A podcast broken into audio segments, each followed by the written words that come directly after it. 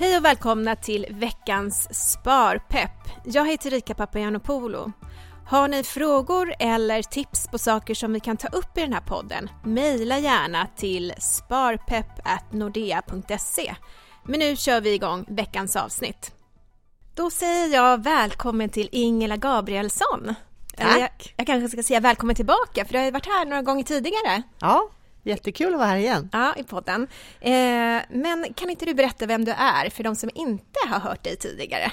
Jo, jag jobbar som Nordeas privatekonom och det betyder att jag ska förmedla privatekonomiska tips och råd. Till exempel i den här podden och jag har en blogg och jag är också aktiv på Twitter och på LinkedIn med mera och eh, även i medierna eh, syns jag då och då och pratar privatekonomi. Du finns lite överallt helt enkelt. Precis. Ja, nästan 900 000 personer fick sina skattepengar redan 5-6 april enligt Skatteverket. Och totalt så betalas ju nära på 6,9 miljarder kronor ut. Stämmer det? Mm, mm. Precis, det är de som har deklarerat eh, digitalt och också med digital brevlåda som fick sina pengar så tidigt i år. Varför får vi tillbaka pengar egentligen? Ja precis, det är ju faktiskt ingen gåva utan det här beror ju på att eh, du har betalat in för mycket i skatt under 2017 och när man då gör en avstämning, Skatteverket räknar ut åt dig vad du egentligen skulle ha betalat, då det, kan det bli en slant över och det är det som är skatteåterbäringen. Så det är egentligen dina pengar som du har haft stående hos Skatteverket under förra året.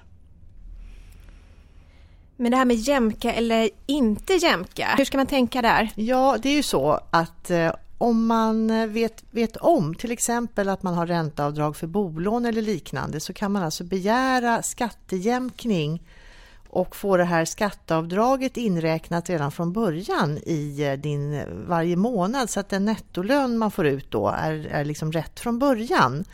Och gör man det, då får man ju inte heller någon skatteåterbäring utan då har man ju de här pengarna tillgängliga under hela året, månad för månad och kan ju till exempel istället spara dem själv om man är så pass duktig och kan få igång ett månadssparande. Men det är väl kanske det som är haken, att många tycker att det här känns lite som, ett, eh, som extra pengar. Man har inte behövt tänka så mycket på det utan det har liksom blivit ett tvångssparande utan att man har gjort någonting. Så det där beror lite grann på hur man vill ha det. Och du har ju gjort en undersökning om vad svenska folket planerar att göra med pengarna, om det är nu så att man får tillbaka mm. skatteåterbäring. Mm, precis, jag tycker det är spännande att ta reda på. Hur tänker vi egentligen? Och eh, då har vi frågat svenskarna vad man skulle göra med en skatteåterbäring. Och det fina här är att vi ställde samma frågor 2012 och därför så kan vi jämföra svaren och se om det har skett någon förändring. Och då kan vi se att det är lika många, varannan ungefär, som vill spara skatteåterbäringen Medan däremot är det färre som vill använda den till semestern. Det är 20 procent nu jämfört med 56 procent 2012. Så där har det hänt någonting. 54 procent uppger att de kan tänka sig att lägga de här skattepengarna på sparande mm. enligt undersökningen. Ja, Berätta det... lite mer om det. Ja, jag tycker verkligen att det är bra att vi tänker så, för att det är ju tillfälle. Man får ju en klumpsumma och det känns ju mera lättare att eh, kunna göra någonting vettigt med den, till exempel spara. Men jag tycker man ska göra en plan för vad man ska göra med sin skatteåterbäring och se vilka behov man har. Och varför inte dela upp den i två delar? En del som går just till sparande.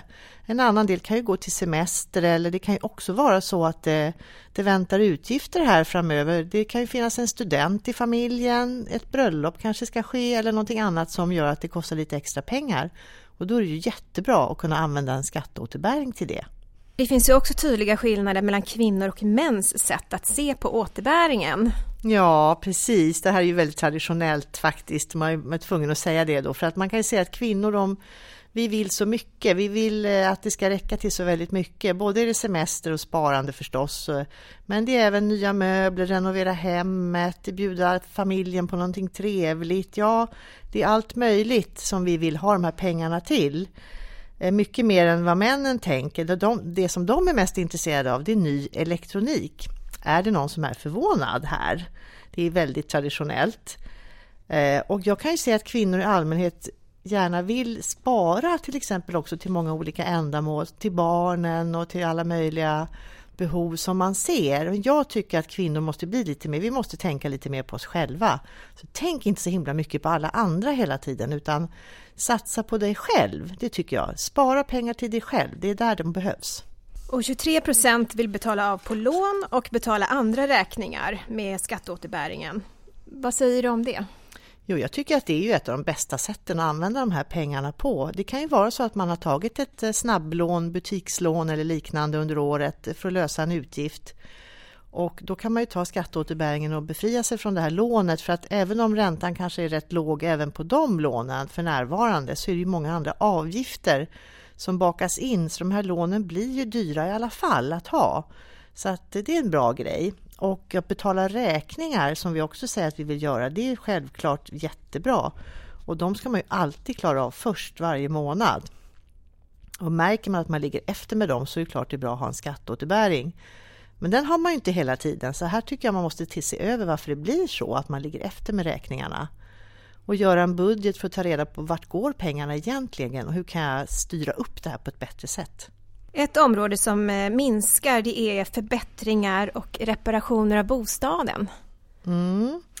Det är ungefär hälften så många som vill använda pengarna till det nu jämfört med förra mätningen.